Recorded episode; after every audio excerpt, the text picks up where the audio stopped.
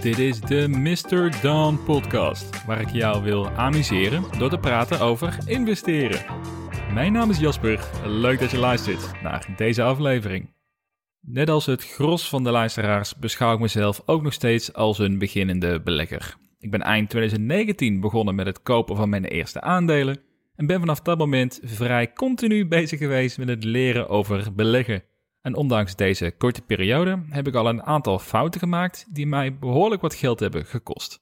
En in deze aflevering vertel ik jou mijn drie grootste fouten als beginnende belegger, zodat jij die hopelijk niet hoeft te maken. Voordat we starten, de gebruikelijke disclaimer. Deze podcast is voor entertainment doeleinden. Ik ben geen financieel adviseur, dus doe altijd je eigen onderzoek. Je kunt honderden boeken lezen en alle theorie in jezelf opnemen om succesvol te zijn op de beurs. Maar uiteindelijk gaat het erom niet om wat je weet, maar wat je doet. En helaas, helaas is het daarvoor nodig om zelf fouten te maken. En dat is even pijnlijk en jammer, maar uiteindelijk leer je alleen als je zelf een keer je hoofd stoot. En de volgende drie fouten heb ik zelf ervaren en baal ik nog steeds van. Maar tegelijkertijd heeft mij dat ook een betere belegger gemaakt, waar ik nu van profiteer.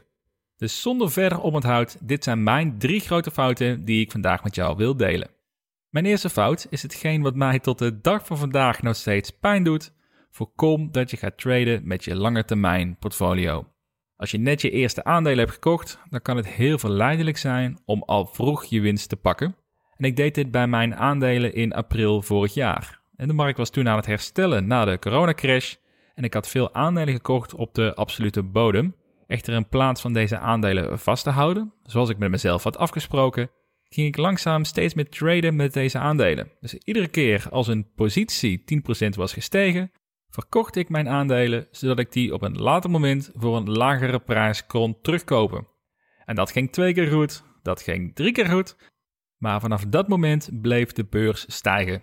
En hierdoor heb ik een aantal uitstekende bedrijven verkocht voor eigenlijk klein geld, om mijn verlies op dat moment te compenseren. Maar als ik aan mijn plan had vastgehouden en ik had de aandelen gekocht en behouden, zoals ik met mezelf had afgesproken, en dan was mijn portfolio vandaag de dag ongeveer drie keer zoveel waard geweest als dat het nu is. Een hele belangrijke les die ik vroeg heb geleerd: niet traden met de aandelen die je graag voor lange termijn wilt aanhouden. Mijn tweede fout is jezelf laten leiden door sentiment van anderen. In de periode van maart tot september eh, afgelopen jaar ja, was het sentiment dat er nog een grotere crash aan zat te komen dan die van februari. De beurs was namelijk nog nooit zo losgekoppeld van de daadwerkelijke economie. Ja, het zou een kwestie van tijd zijn voordat de boel in elkaar zou klappen. Ja, met die reden heb ik een half jaar lang praktisch geen aandelen in bezit gehad. En de uitdaging is dat je jezelf ook gaat omringen met beleggers die hetzelfde denken als jij. Dus je wordt continu versterkt door het sentiment van anderen. En hierdoor heb ik praktisch niet geprofiteerd van de coronacrash en ben ik pas weer ingestapt op het moment toen de markt weer hersteld was. Dus mijn les, probeer de markt niet te timen.